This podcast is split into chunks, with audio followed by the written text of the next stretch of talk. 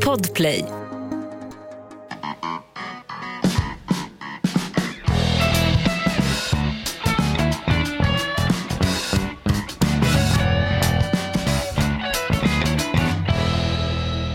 En två, en två. Vi testar den kinesiska spionballongen. Min röst ska nu komma någonstans inifrån ditt förstörda hjärncentra. Någonstans, vad heter den här frontalloben Hans? Där all gammal porr samlas upp. Va? Jaha, ja, ja. Något sånt. Jag Eh. tänker på det när de tar eh, gärningspersoner som har samlat otillbörlig pornografi så står det att de eh, upptäckte när de ligger i datorn, är det så att de har samlat ihop de här bilderna i någon mapp då och sitter och tittar på med jämna mellanrum? Jag fattar inte. Eller, Ibland räcker kan det med att de bara surfat in på någon snusksida och så smack, då finns det i datorn så att säga. Mm, du behöver inte vara orolig. Var det inte gamla rockstjärnan Pete Townsend i The Who som torskade med en dator? Han torskade med en massa eh, snuskbilder i burken. Han klarade sig på att han ingick i ett projekt som skulle förebygga övergrepp mot barn. Och så att det var att forsk- forskningssyfte, tusentals eh, bilder i hans dator.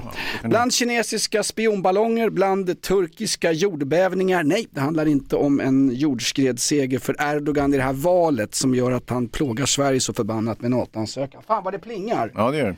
Eh, Hej Davva, något försenad har ni börjat. Eh, Ja, Davva är alltså ingen, ingen turkisk bergsinfanterist i Erdogans armé som krossar kurder på helgen utan det är våran demonproducent. Många tycker Davva är bättre än hela podden. Mm. ja det, det kan jag hålla med om. Ja, platser knappt i Mello längre. Va? Herregud. Jon Henrik Fjällgren Mm. vinner Mello i helgen.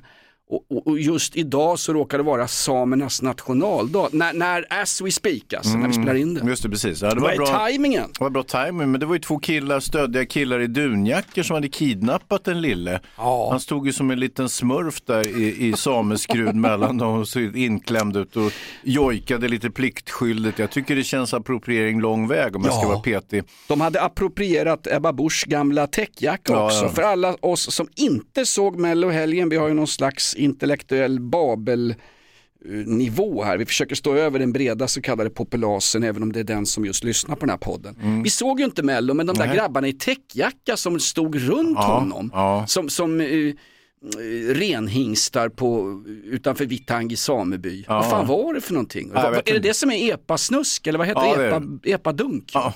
Något sånt där. Hans, välkommen hem. eh, Hans Wiklund, tu es retourné de la France à bientôt. Ja. Eh, ça va, hur var det i Frankrike? Jo, men det var fint faktiskt. Jag var på den franska rivieran Côte d'Azur. Och eh, jag har en polare där som har ett, ett fint hus i Villefranche, så var jag där och hälsade på honom. Och eh, Vet skattemyndigheten om det här huset? ska inte, vi ska inte rota i, i, i hans förehavanden, mm, den biten. Däremot så har han ju som, eh, nu kommer ihåg gamla fina programmet MTV Cribs. Ja. Ja, eh, Mm. Man och- fick besöka knarkares bostäder. Ja, det var det vill någon, säga rapstjärnor Någon tjockis som hade skrivit en raplåt och då, hej presto, hade han ett stort jävla hyrhus och dessutom en, ett stort garage fyllt med bilar och det hade min kompis också. Han hade två Geländewagen och eh, en, Skojar en Rolls Royce. Nej, vad skulle jag skoja om sådana allvarliga saker? Det roliga var ju sen när jag sa, min polare Geländewagen. Och då visste inte du ens vad det var för sorts bil, du som ska vara Tysklandsvän och Ja. allt. Men Jag du googlade upp det. Jag har googlat upp det som satan för att spela lite, lika beläst som hon Jessica Gedin i Babel. Geländewagen. Hon är beläst till skillnad från oss. Okej, okej, vi är låtsasbelästa. Mm. Nej, men en Geländewagen, alltså terrängbil, Mm. eh, kommer av det tyska uttrycket Gelände, alltså när Ukrainas, här kommer en historisk referens, när Ukrainas eh, vägar eh, blev leråkrar för tyska pansardivisioner va?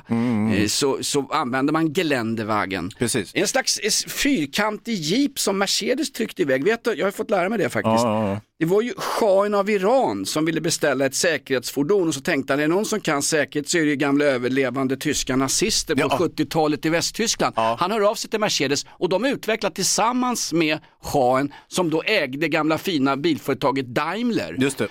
Eh, och han, är, han, han är med, shahen av Iran. Alltså innan det blev slöjtvång på kärringarna i Iran så är han med och, och utvecklar Mercedes Geländewagen. Ja. Precis som när Hitler var med och utvecklade Volkswagen. Ja. Eller var han det förresten? Ah, skitsamma, men Geländewagen, jäkla potent bil, ett stort jävla as till miljöförstörare givetvis, men, men eh, också en, en, en, rolig bil att köra så att säga. Och eh, den är också väldigt populär, i, inte bara i shahens diktatur, utan i diktaturer i allmänhet. Dessutom knarkkartellledare har en ett fäbless för mm. Geländerwagen för att den ger ett lite ståtligt, pampigt, tyskt autobahn-nazistintryck sådär. Ja, och till och med Kuba, denna förlovade demokratiska eh, republik som hyllas eh, varje vecka i Sveriges Radios paneler av bland annat Göran Greider mm. och mm. Lena Melin och lite andra ja. vänsteraktivister. Kuba har ju släppt det här med ryska jeepar och skit. Jag tror att eh, Fidel Castro, jag vet inte om han lever Raúl Castro eller om det är en sån här hologram som styr landet. Svårt att men, säga. Men han har, de har ju i kubanska armén så ingår det Mercedes Geländewagen. Jag, jag tror fan i mig, på tal om arméer som inte fungerar, mm. jag tror att till och med i svenska, svenska försvarsmakten, där finns det Mercedes Geländewagen. Ja, ja. Det gjorde väl att eh, Volvo-direktörerna gnisslade tänder därför ja, tro. Volvo-suven håller ju inte riktigt nu när vi ska gå med i NATO och uh, bomba kurder och hänga Johan Persson upp och ner i någon slags trädocka. Ja. Uh, hörru du, fick du köra Geländewagen själv Hans? Nej. Nej. Nej. Nej, så betrodde jag inte.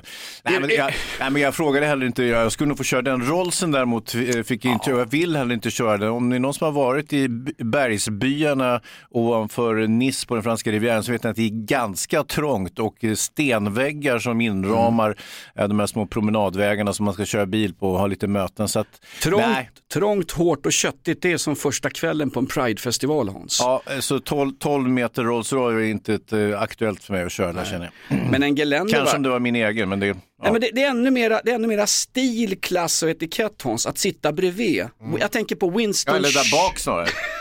Sa flick... Nej, det sa hon Nej, men jag tänker på Winston Churchill, jag tänker på Lord ja. Mountbatten, ja. jag tänker på Boris Johnson, jag tänker på han Rishi Sunak. Liam Brady. Liam Brady körde väl på fyllan tror jag. Mm -hmm. ja, googla gärna upp Liam Brady, legendarisk irländsk mittfältare och stenhård kille som körde utan benskydd i Arsenal ja. 1976 till 1982. Nej men det är snyggare och flottare att sitta bredvid Hans. Ja. Elvis Presley körde väl aldrig bil, köpte någon rosa Cadillac till sin gamla sura morsa och sin kåkfare till farsa. Men mm. han, han, körde ju aldrig bilar. Nej. Det är ju mera stil och klass att sitta där bak Hans.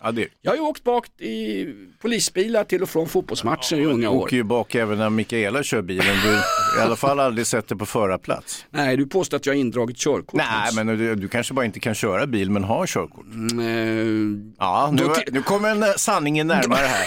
Då tillhör en majoritet i det här förbannade ja, landet. Ja, Absolut. det är så svårt att surfa samtidigt som du kör bil också så att man får ju prioritera.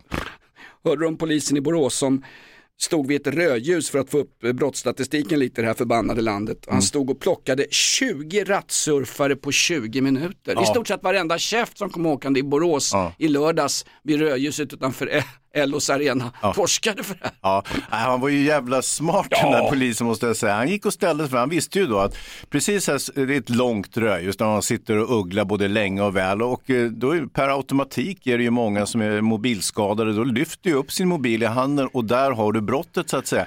Eh, du utdömer ett bötesförläggande på plats, du har ett lagförande, du har en pinne i statistiken. Så att, och mm, mm, tio mobilsurfare ger ju samma resultat som tio, mm, tio gängkriminella mördare, men ja. de är ju lite svårare att få tag i så att säga. Så det gäller att prioritera för polisen. Jag förstår dem, särskilt om polisledningen nu är, är ute på bärtur fullständigt så vill de ju gärna ha lite resultat åtminstone att luta sig mot. Och nu fick de det från Borås, så att, eh, grattis Borås. Polisledningen påminner lite grann om en Geländewagen som kör upp i leran och i eh, åken. Mm. Eh, har du hört han som gick till tatueraren förresten? Tryck in en fräckis här Hans. Jaha. Har du hört den, han ja. som gick till tatueraren och ville ha en skog? Är det något med nunnor? Nej, ja, vi kan säga det. Han, har, han hade gått förbi några nunnor men han var på väg till tatueraren och så ville han ha en skogsmaskin. Tatuerat? Tatuerat på könsorganet och så frågade tatueraren, du jag har tatuerat mycket konstiga saker men ska du ha en skogsmaskin på könet? Ja. Ja, varför då? Då hängde han ut den, höll den med bägge händerna och sa, jo, för den här ska pressas genom lera och skit. Sen vet jag inte vad nunnorna tog vägen, de gick väl hem, de har ju mycket att göra. Ja, det här är ett betalt samarbete med Villa Fönster. Du behöver lite mer tryck nu Jonas. Tryck! Villa Fönstersnack med Linnea Bali. Villa, villa, fönster, fönster, fönster med Bali, Bali, Bali. Jonas, nu tänker jag lära dig lite om Villa Fönster. Lär mig baby. Villa Fönster är en rikstäckande leverantör av fönster och dörrar till dig som konsument och byggföretag. Och vet du vad Jonas? Vadå? Jag har en spaning. Ja. Det som gör dem så unika är att de har Sveriges bästa leveranstid. Ja, det går undan har jag hört va? Ja, det gör det. För man tänker kanske som konsument så här, åh nej, det här kommer ta så lång tid. Men inom tre veckor alltså så har du ett svenskt nyproducerat fönster som är redo för omgående avhämtning eller leverans. Oj, oj, oj, inom tre veckor. Är det inte så också, jag har hört ryktena, de har Sveriges största fönsterlager va? Ja, med 500 olika varianter av fönster. Och eftersom de allra flesta av oss vill ha olika storlekar på fönster så kan Villa Fönster dessutom göra anpassningar såsom spröjs, spaltventil med mera. Oj, oj, oj Linnea, du övertygar här. Du vet inte vad en persedel är för någonting, men spröjs och spaltventiler. Här har jag nästan läst på universitetet om det här. Ja, och är det någon som har koll så är det Villa Fönster. Historisk referens här. Har du? Ja, alltid.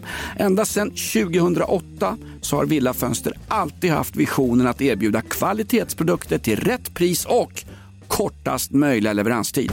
Ja, jag är nöjd Med vad då? med vårt Villa Fönstersnack. Villa, fönstersnack med Linnea Bali. Villa, villa, fönster, fönster, fönster med Bali, Bali, Bali. Tack Villa Fönster. Poddtips från Podplay.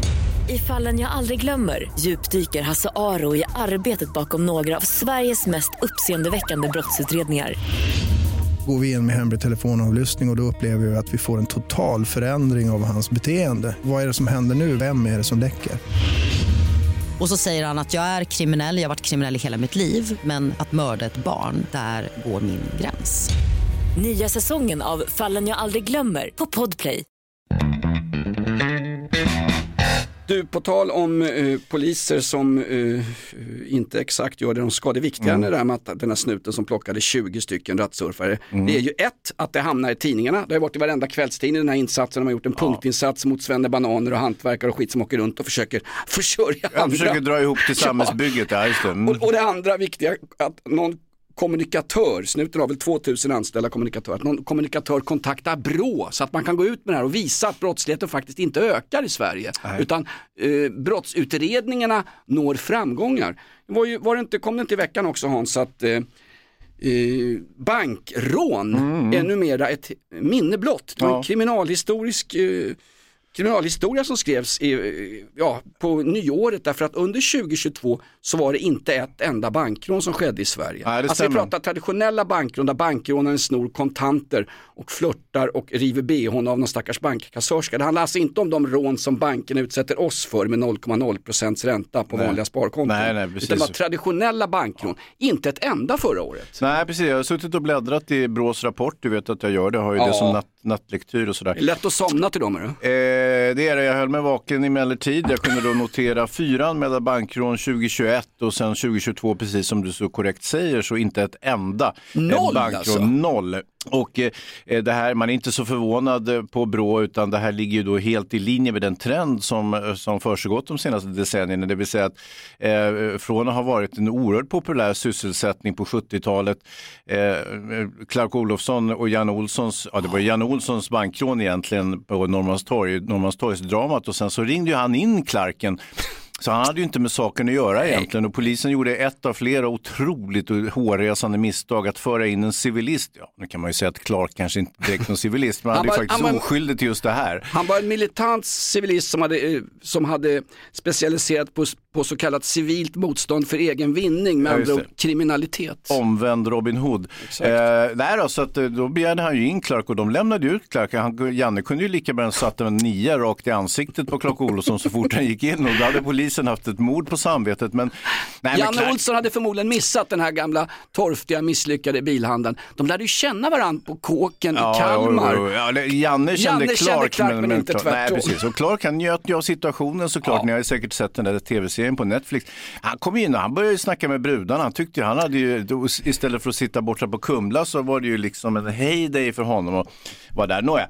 Eh, så bankrån var ju en, liksom, eh, och avlöste ju också postrånen som var väldigt eh, posten eh, handlade ju mer med kontanter än vad bankerna gjorde, även i, i, historiskt så att säga. Och för hade där- betydligt sämre säkerhetstänk. Ja. De hade ett säkerhetstänk ungefär som Säpo som lät en eh, illegal städare städa hemma hos statsministern. Ja, ungefär det var så. så jävla dåligt var det. Ja, och eh, eh, då var det ju så att då, och de flesta vanliga Sven Banan då, de hade ju sina surt förvärvade pengar just på posten. De man gick till posten för att hämta ut pengar och så vidare. Det bara var fint folk som gick på banken Mm. eh, och hade med sig kanske en portfölj men inte så mycket kontanter sådär. Hur som helst, det, det sista, sen hade vi ju då, om man ska nämna några historiska bankrån eller, eller värderån då som det kanske också... eh, Västbergagrabbarna.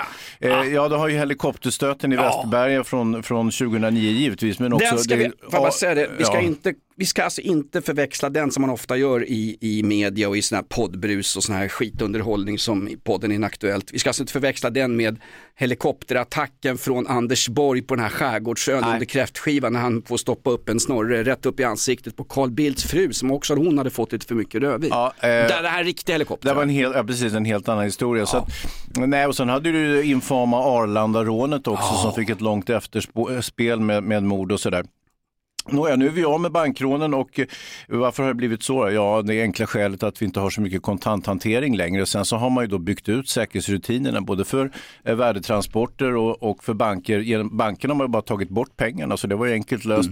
Eh, värdetransporterna måste ju ändå fortgå för det finns trots allt lite pengar i omlopp sådär, eller kontanta pengar. Så att man, och sen har man då färgningar och sedlar och säkrade bankomater och så vidare. Så att man har ju liksom lyckats jobba bort de kriminella från just den här, just den här lilla fraktionen utav brottslighet. färgning av sedlar, det som vi i dagligt tal kallar för svarta pengar. Mm. Ja, men det kontantlösa samhället är ju i stort sett genomfört i Sverige som enda land i världen Ja. där man inte kan betala kontant när man kliver på en buss för Ja. att bli kanske förnedringsrånad av något ungdomsgäng som häckar längst bak i bussen. Mm. Ta gubbjäveln, ut av pengar, jag har inga pengar. Nej men vi kan väl få, ner, få förnedra en stund i alla fall. Ja varsågoda pojkar, jag är på väg till ett skitjobb på morgonradion. Ja. Men sen har du också det tantlösa samhället som den mycket, mycket starka gaylobbyn försöker införa. Alltså avveckla det här med tanter. Ja, ja, ja. Eller hur? Eh, mm, Och sen pratar du att postrån har försvunnit, inte för det minsta. Jag som fortfarande skickar julkort för att bevaka mina arv, ja. eh, vet ju att man blir för fan rånad om man ska sk- skicka ja, ett... de kommer inte fram ja, så att Nej. eh, själv, själva portot blir någon form av indirekt bedrägeri. Po- Postnord föreslog att de skulle be- bara behöva be- dela ut vanliga 20 grams brev var tredje dag. I samband Ja. med det så ville man höja portot till 14 spänn. Men- det är ju billigare att bli rånad på Ja, nattbussen. fast där hade vi ju faktiskt en, en, bra lösning på det där. För det är ju så att man, eh, Postnord kan säga så att ja, vi, vi, vi, vi eh, bär ut posten en gång i månaden. Och eh, vi kommer ju inte märka någonting för då kommer det post en gång i månaden. Vi vet ju inte när den där posten skickas. Det är klart om det kommer ett julkort i juni, man kan ju bara ana oråd sådär. Men, men i övrigt så, så tänker man inte så mycket på det. Och man kanske man får fakturan och så får man två betalningsfakturer eh, samtidigt som fakturan kommer. Men de flesta kreditbolag jobbar ju redan på det viset så att säga. Så att det, det, det är ju liksom, vi kommer inte märka någonting så det, det kan de gott göra. Posten gjorde det stora misstaget att annonsera ut att man nu ska dela ut posten var tredje dag. Hade de inte sagt Nej, någonting så hade nej. man bara tyckt att ja men det är väl någon liten tillfällighet. Ibland Ja. kommer ju posten med sån här skön statistik att ja det ska du veta 98% av försändelser kommer fram i tid. Hur fan vet jag det då? Ja, och sen eh, okej, vad, vad ska de för detta bankkronorna göra nu? De flesta är ju lite äldre, jag tänker på den gamla gubbligan till exempel, helikopterrånarna. Maskeradligan. Ja, precis, eh, eh, Gorbyligan och alla de här. De Mörbyligan. blivit- Ja, exakt. Och, Gammalt fint punkband, Mörbyligan. Är det? Ja. Eh, Nej, men, ja, vad ska de göra nu då? Ja, de ju, börjar ju närma sig pensionen givetvis, men vad ska deras arvtagare göra? Alla de nya kriminella i Sverige? Ja, det finns ju gott om andra saker. Det är personrånen, heminvasionen, bedrägerierna. Sen finns det fortfarande pengar på växlingskontor och så vidare och sen så är det liksom hårdvaror som, som juveler och framförallt kanske klockor som, som väl är den bästa valutan i den kriminella världen så vitt jag förstår. Heminvasion alltså, det, är, eh, det kan vara två olika saker. Det är att när IKEA-katalogen kommer, Ja. det är ett jävla övergrepp på oss som Smack säger försöker- Björn, flyger upp ur sängen. köp en, köp en hög med plankor från Ukrainas skogar, montera ihop skiten själv och betala. Mm. Hörde du att Ikea i Kairo förresten, de har inte märkt någonting Nej. av att eh, Sverige efter en koranbränning av eh, Sverigedemokraternas statsminister har jag nästan blivit. Pal Paludan. Alltså, Hon har, har inte märkt någonting, Ja. det är full fart i Ikea i Kairo. Ja, ja. Eh, annars var ju invändningen, och, och det var ju universitetet i Kairo där imamen sa att nej, vi ska bojkotta svenska varor. Vilka är det då? Vad fan och gör de för någonting i Sverige? Dalahästar? Ja, det kan vi väl tänka oss att skita i och köpa. Men Ikea är ju ändå sådär. Men då sa de flesta Kairobor att nej, Ikea är så himla dyrt här så att vi, vi sitter på golvet heller. Exakt. Eh, vi går vidare och eh, Hans, eller vi går inte vidare. Nej, vi nej, vi, för det gör vi aldrig. Vi har, vi har glömt en sak Ja. Hans. Du frågar vad gamla kriminella bankrånare ska göra nu. Ja, de kan ju bland annat sitta i SVT och få prata ut exakt och stå helt oemotsagda. Var det inte Clark Olofsson som dök upp hos, jag vet inte om det var Anna Hedenmo eller Malou von Sivers. Ja, var hos Malou var det. Hon är, har ju en särskild fäbless för antingen kulturarbetare av karaktären Torsten Flink eller rånare av karaktären Hon frågade Olofsson. Clark Olofsson sådär, du har aldrig jobbat Clark i den här infamösa intervjun? Nej, jag har inte, jag har inte hunnit för fan. Nej, nej. Men vad, vad har du gjort då? Nej, jag var tvungen att begå brott vet du, för att försörja mig. Det fanns ingen tid till arbete helt enkelt. så Han fick väl en plats på journalisthögskolan, det här är riktigt jävla gamla historiska referenser. Han fick en plats på journalisthögskolan. Mm. Han hade enligt den här intervjun inte en sekunds eh, tanke och inte för avsikt överhuvudtaget att någonsin bli journalist. Nej, nej, nej, för tusan heller. Skönt att komma ut. Ja, Sen men- påstår han också att han, han satte ju på någon, någon kriminalvårdsanstalts eh, ansvarige chef. Ja, en, han en tant det. som hämtade honom Ja. efter tjänstetid och så låg de, åkte de till en hotell och där satte han på en i avgasröret. Ja, exakt. Men han, men det- lju- han ljuger ju som en häst Ja, travar. Så att, Han kan ju för fan börja podda så mycket ljuger han. ja, nästan. Jag, jag tänker på det, det de däremot har gemensamt, Clark och de andra, de har ju faktiskt överlevt. Det kan man inte säga om dagens nya kriminella. Eh, De klipps ju redan i 50-årsåldern. Jag tänker givetvis... 15-årsåldern. Eh, precis. Vad sa jag? Du sa 50-årsåldern Nej, nej, det gjorde jag inte. Jo, du, Ah, okej. du har ju, du har ju din, din egen, din egen eh, vad heter det, inte, inte, inte, övergångsålder, vad heter det i vårt fall? Du. Klimakteriet. Nej, undergångsåldern. Ja. Där har du. Ja, jo, jo, jo. Folk i 15-årsåldern som häktas, det är, också, det är ju lika unikt som att bankrånen har upphört för fan. 15-åringar som häktas. Ja, vi har i storleksordningen bara under 2023 nu, vad är det 12 eller 14 pojkar under 18 år, och någon flicka också faktiskt, eh, eh, som har blivit i alla fall gripna, anhållna och en del häktade. Den senaste då, det är ju den eh, grabben som misstänks för skjutningen i Skogås. Han är 15 år och han sköt då en, en kille som var 15 år också och han är numera häktad. Och då, man är ju lite restriktiv för eh, med häktningar på, på barn under 18 år sådär. Och eh, det finns ju förslag att det ska finnas en maxtid på tre veckor och det borde väl faktiskt rimligt. Man ska ju alltid ha en skyndsamhet när det gäller att utreda brott där unga personer är inblandade. Det var någonting Får jag annat. bara fråga, tre, tre veckor, är det den sammanlagda tiden innan polisen dyker upp på brottsplatsen? Nej, nästan. Men, men eh, en annan unik sak med, med den här killen, 15 år, den numera häktade 15-åringen, det är att han är den enda bland de här 12-14 andra häktade för mord och bombningar under 2023, att han faktiskt är född i Sverige. Vilket, Det gör man- den för fan lika unik som Clark Olofsson i Ja, ett par mysbyxor. Mer eller mindre, och nu kan man ju faktiskt, då, då kan man ju faktiskt eh, beskylla socialtjänst och andra. Då ju- måste ju faktiskt de ha haft lite grann med saken att göra. Till exempel placerat den här grabben på ett HVB-hem, vilket egentligen inte så bra plats för unga kriminella eftersom där är ju tanken att det ska bygga på frivillighet och självbestämmande och sådär och stärka ungdomarnas inflytande, egenmakt och delaktighet. Vilket inte är exakt det som en 15-årig mördare behöver. Men jag kan ju ha fel här, men jag vet inte vad du tycker. Så här var det också, det var ju en gruppvåldtäkt i, om det var i Malmö eller i Helsingborg, jag vet inte, men då var det ju tidigare ostraffade grabbar som var under 18 år och där blev straffet utdömt Hans. Eh, Straffet är eh, ungdomsövervakning enligt socialtjänsten. Nej men fan vad bra, äh, vad bra, jag blir så förbannad. Ungdomsövervakning. Ja, det betyder normalt att man får vara hemma i sitt dysfunktionella hem och så ska man då övervakas av en släkting eller liknande. Du får bo hemma Ja.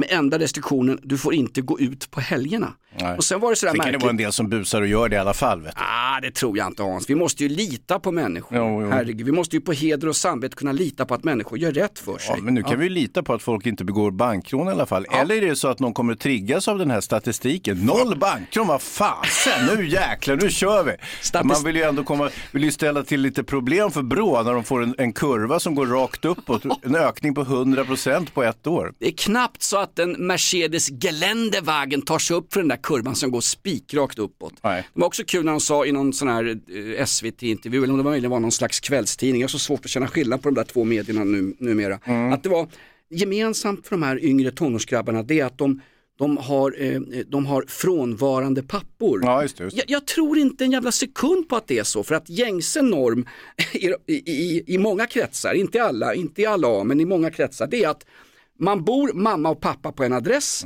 sen flyttar pappan därifrån. Mm. Vart då? Fick, ja, han fixade ett hyreskontrakt på annat ställe Aha. och sen hyr man ut den lägenheten svart i andra hand till överpriser medan pappan fortfarande bor hemma. Ja, ja, Därför att så. i vissa kulturer, kanske inte den svenska kulturen, så är det ganska så tabu att skilja sig och att överhuvudtaget separera. Mm. Ibland kan man separera unga tjejer från balkonger men överhuvudtaget så är det väldigt, väldigt sällsynt i den här typen av kulturellt etniska kretsar att man skiljer sig. Ja, ser- Ofta så ja. bor pappan fortfarande kvar Aha. hemma. Så om socialtjänsten tog sina stora feta tjocka arslen och sina och träskor och kanske gjorde ett hembesök, pling plong, hur var det här då? Men det gör man inte. Utan socialtjänsten har som gängse norm att man ringer till sina klienter och frågar, hej hur går det? Jo tack, det går bra. Mm. Om ni skulle ringa på dörren skulle ni upptäcka att i de allra flesta fall när man angivit att det är frånvarande pappor så bor pappan fortfarande hemma. Ja, och troligtvis hemma dagtid också så att det kommer ju göra en. Så. Ja, visst, visst, det kanske, mm, jag, hör att du ser en konspiration där, men, eh, faktum är hjälp- ändå att jag tror ändå att vård i hemmet är bättre än HVB-hem för att det är faktiskt ingen bra plats för kriminella. Och, och häkte är ingen bra plats heller, men det, och, och ni Jag säger som också, Greta Thunberg, Ja, barn, barn måste få vara barn för fan. Sluta kör bil, sluta flyga. Ja, men i är hennes fall kan det vara dags att bli lite vuxen nu när hon är i 30-årsåldern. Är hon? Är hon 30 år? Ny säsong av Robinson på TV4 Play. Hetta, storm, hunger. Det har hela tiden varit en kamp. Nu är det blod och tårar. Fan händer just nu. Det. är Detta är inte okej. Robinson 2024, nu fucking kör vi! Streama söndag på TV4 Play. Ett poddtips från Podplay. I podden Något Kaiko garanterar östgötarna Brutti och jag, Davva, dig en stor dos skratt. Där följer jag pladask för köttätandet igen. Man är lite som en jävla vampyr. Man har fått lite blodsmak och då måste man ha mer. Udda spaningar, fängslande anekdoter och en och annan arg rant. Jag måste ha mitt kaffe på morgonen för annars är jag ingen trevlig människa. Då är du ingen trevlig människa, punkt. Något Kaiko, hör du på Podplay. Därför är Fan Hans, vi har glömt en grej. Ja. Vi har glömt att åldersbestämma dels de här 15-åringarna som man fångade in utanför sushi-restaurangen i Skogås och dels åldersbestämma Greta Thunberg och dels har vi glömt våran outlaw country Hans. Oj. För fan. Ett inaktuellt utan Jonas och Hans, det skulle funka. Men ett inaktuellt utan vår demonproducent Davva och hans skattefifflande, Pizzabagare till pappa. Ja, det funkar inte. Du var ju i Frankrike Hans. ja, ja. Eh, vill du ha lite fransk outlaw country? ja men gärna, det skulle passa. Tur att du sa det för att jag har cuat upp det var du som sa det, men... men jag, Nej men tur att du godkänner i alla fall. ja, det är Vi jag så måste, gärna. vi måste få upp pinstatistiken här när det gäller countrylåtar. För första gången i Inaktuells 200 avsnitt långa historia spelar vi nu fransk outlaw country.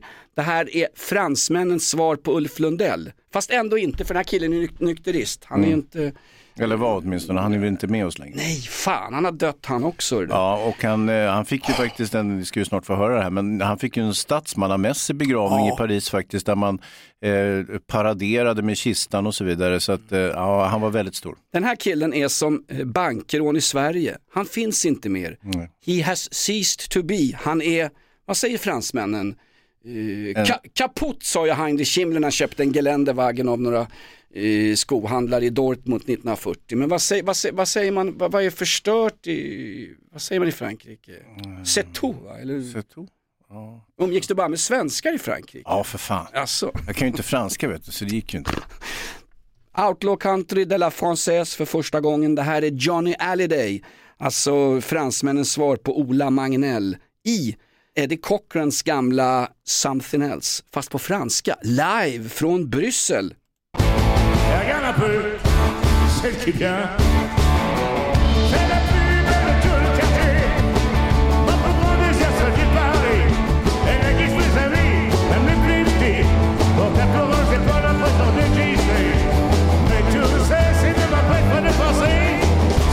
un vieux, ouais, terrible. Du längtar tillbaks till soliga Nice och den engelska promenaden som den stora stritan heter det va? Ja, just det, precis. Ja. Ja, Hörru du, på tal om poliser och bankrånare, Runar Mm. Sögaard, rådjursjägaren och eh, förste inspicient av Carola Häggkvist. Han muckar från kåken i helgen. Ja, vad roligt att höra. Ja, verkligen. Ja, ja, han har ju suttit bra länge, lite längre än han borde ha gjort egentligen för att han varit så förbannat krånglig.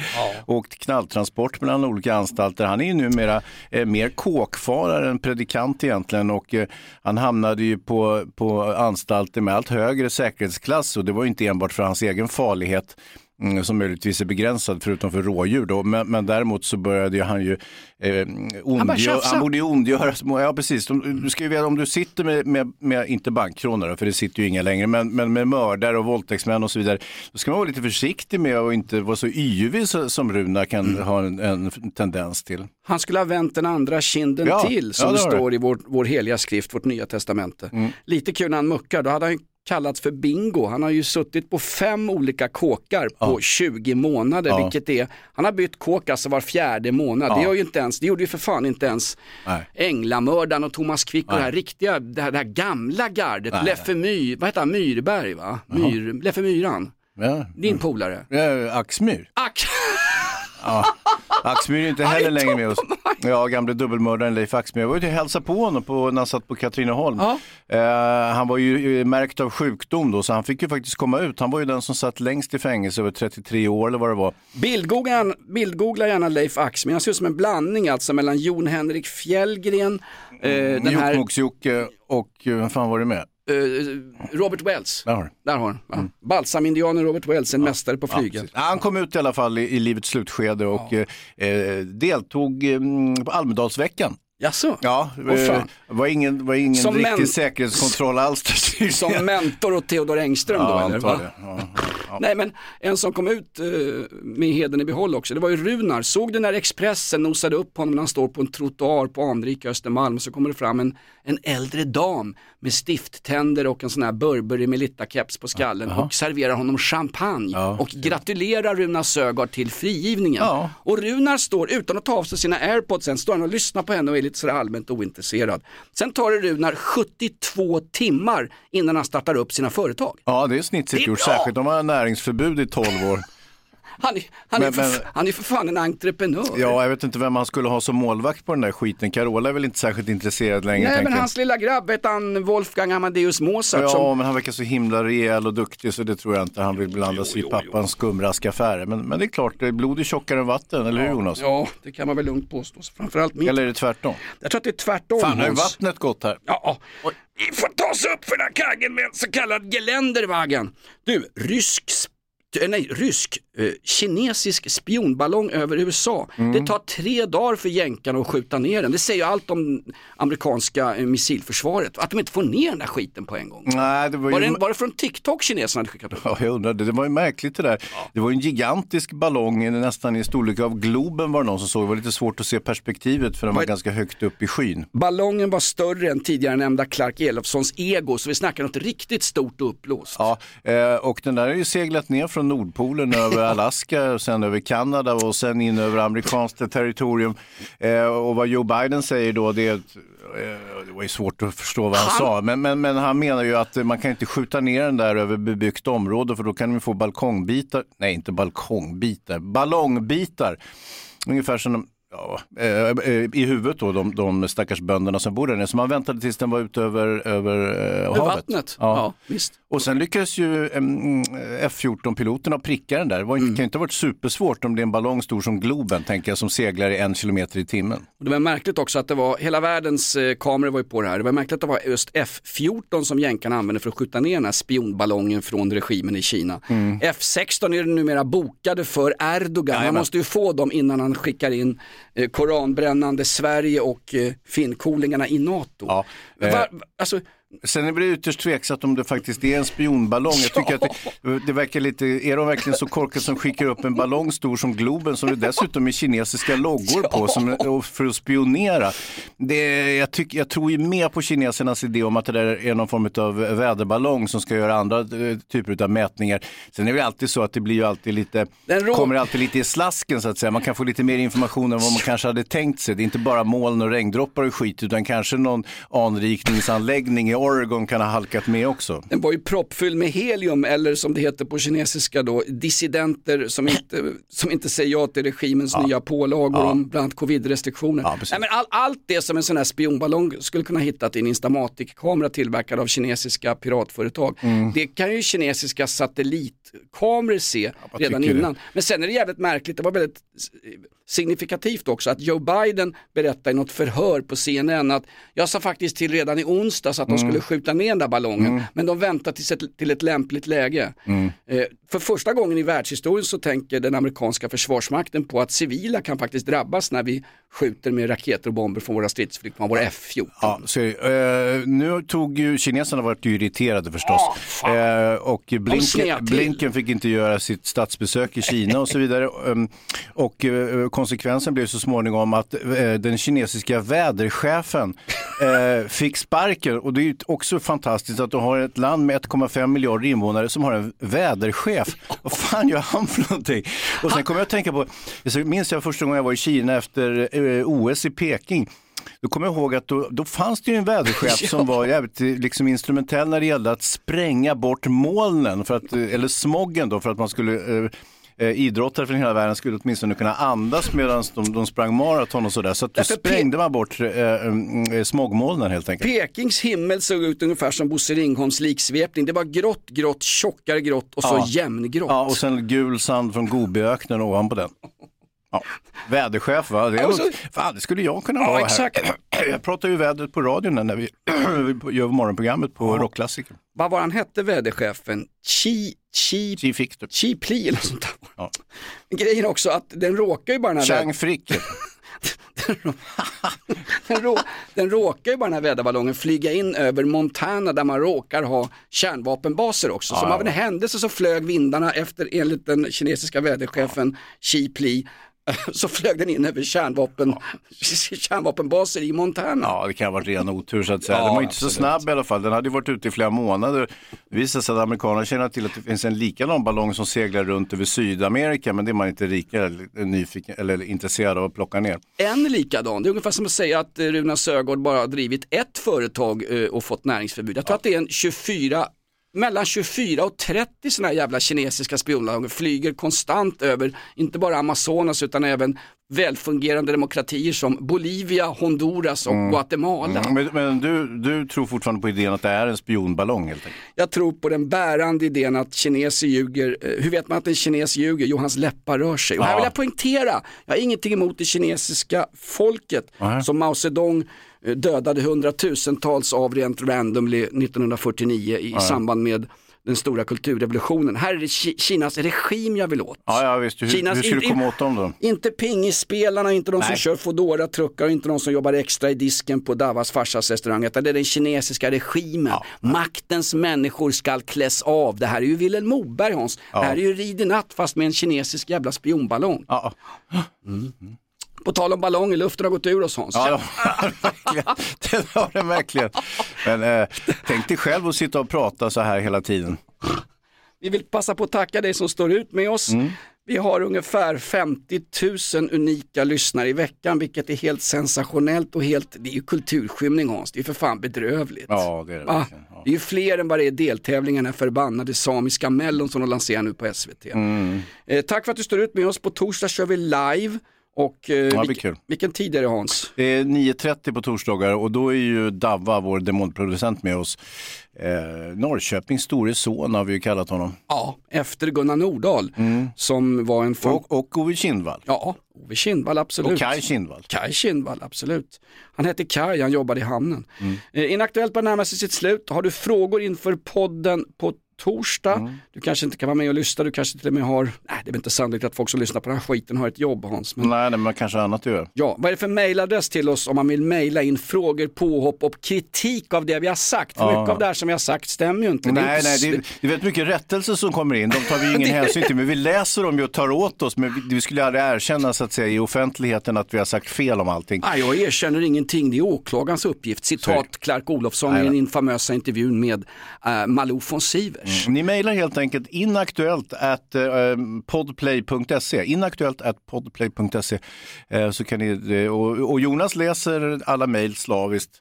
Eh, svarar på en del också vad jag förstår. Skicka gärna dickpics, även för de som är eh, tjejer. Här, sätter vi inte, här är vi helt könsneutrala i vårt lågaffektiva bemötande mot Mm. tidens tecken. Får jag bara säga en sak Hans, att det roliga är att den här podden vi gör på måndagar är väldigt, väldigt väl avlyssnad. Och sen när vi tar in frågor då via Davva på torsdagarna Mm. 9.30 i livepodden i Mm. Podplay-appen, då är det i stort sett att folk, folk hör av sig och ska Ja, som vi rätta sa det som har fel. sagt Ja, om ja. ja, just det.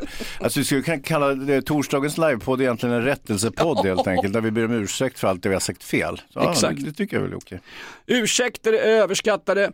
Citat Ulf Lundell på fyllan i ett eh, växthus nere på vackra Österlen där han numera bor med sin 32 år yngre flicka. Eh, ska vi gå ut Hans på lite outlaw country? Ja, vore väl trevligt. Amerikanskt, va? Inspelat strax under en kinesisk spionballong i Ohio, mellanvästern. Balladen om Daniel Boone. Tack för att du lyssnade på Inaktuellt. Daniel Boone was a man, yes, a big man, with an eye like an eagle and as tall as a mountain was he. Daniel Boone was a man, yes, a big man. Och på slutet är det många som undrar hur fan har det gått med bilen Hans? Du ringde Bergare strax innan podden började. Har Bergaren hört av sig ens överhuvudtaget? Nej, han skulle komma, komma eh, på studs. Han, han skulle precis gå i tjänst. Han, nu har det gått fyra timmar och inte hört ett pip. så att, eh, nej, det verkar gå dåligt. Vi får återkomma till det på torsdag om, om eh, bilolyckan som jag var med om. Ja, jag var inte direkt med, det var ju någon som körde på min stackars bil. Hans kör alltså inte en Mercedes Nej, det Geländewagen. var fan att jag inte hade geländen istället för min lilla polo som studsade som en jävla gummiboll på trottoaren när någon körde på den.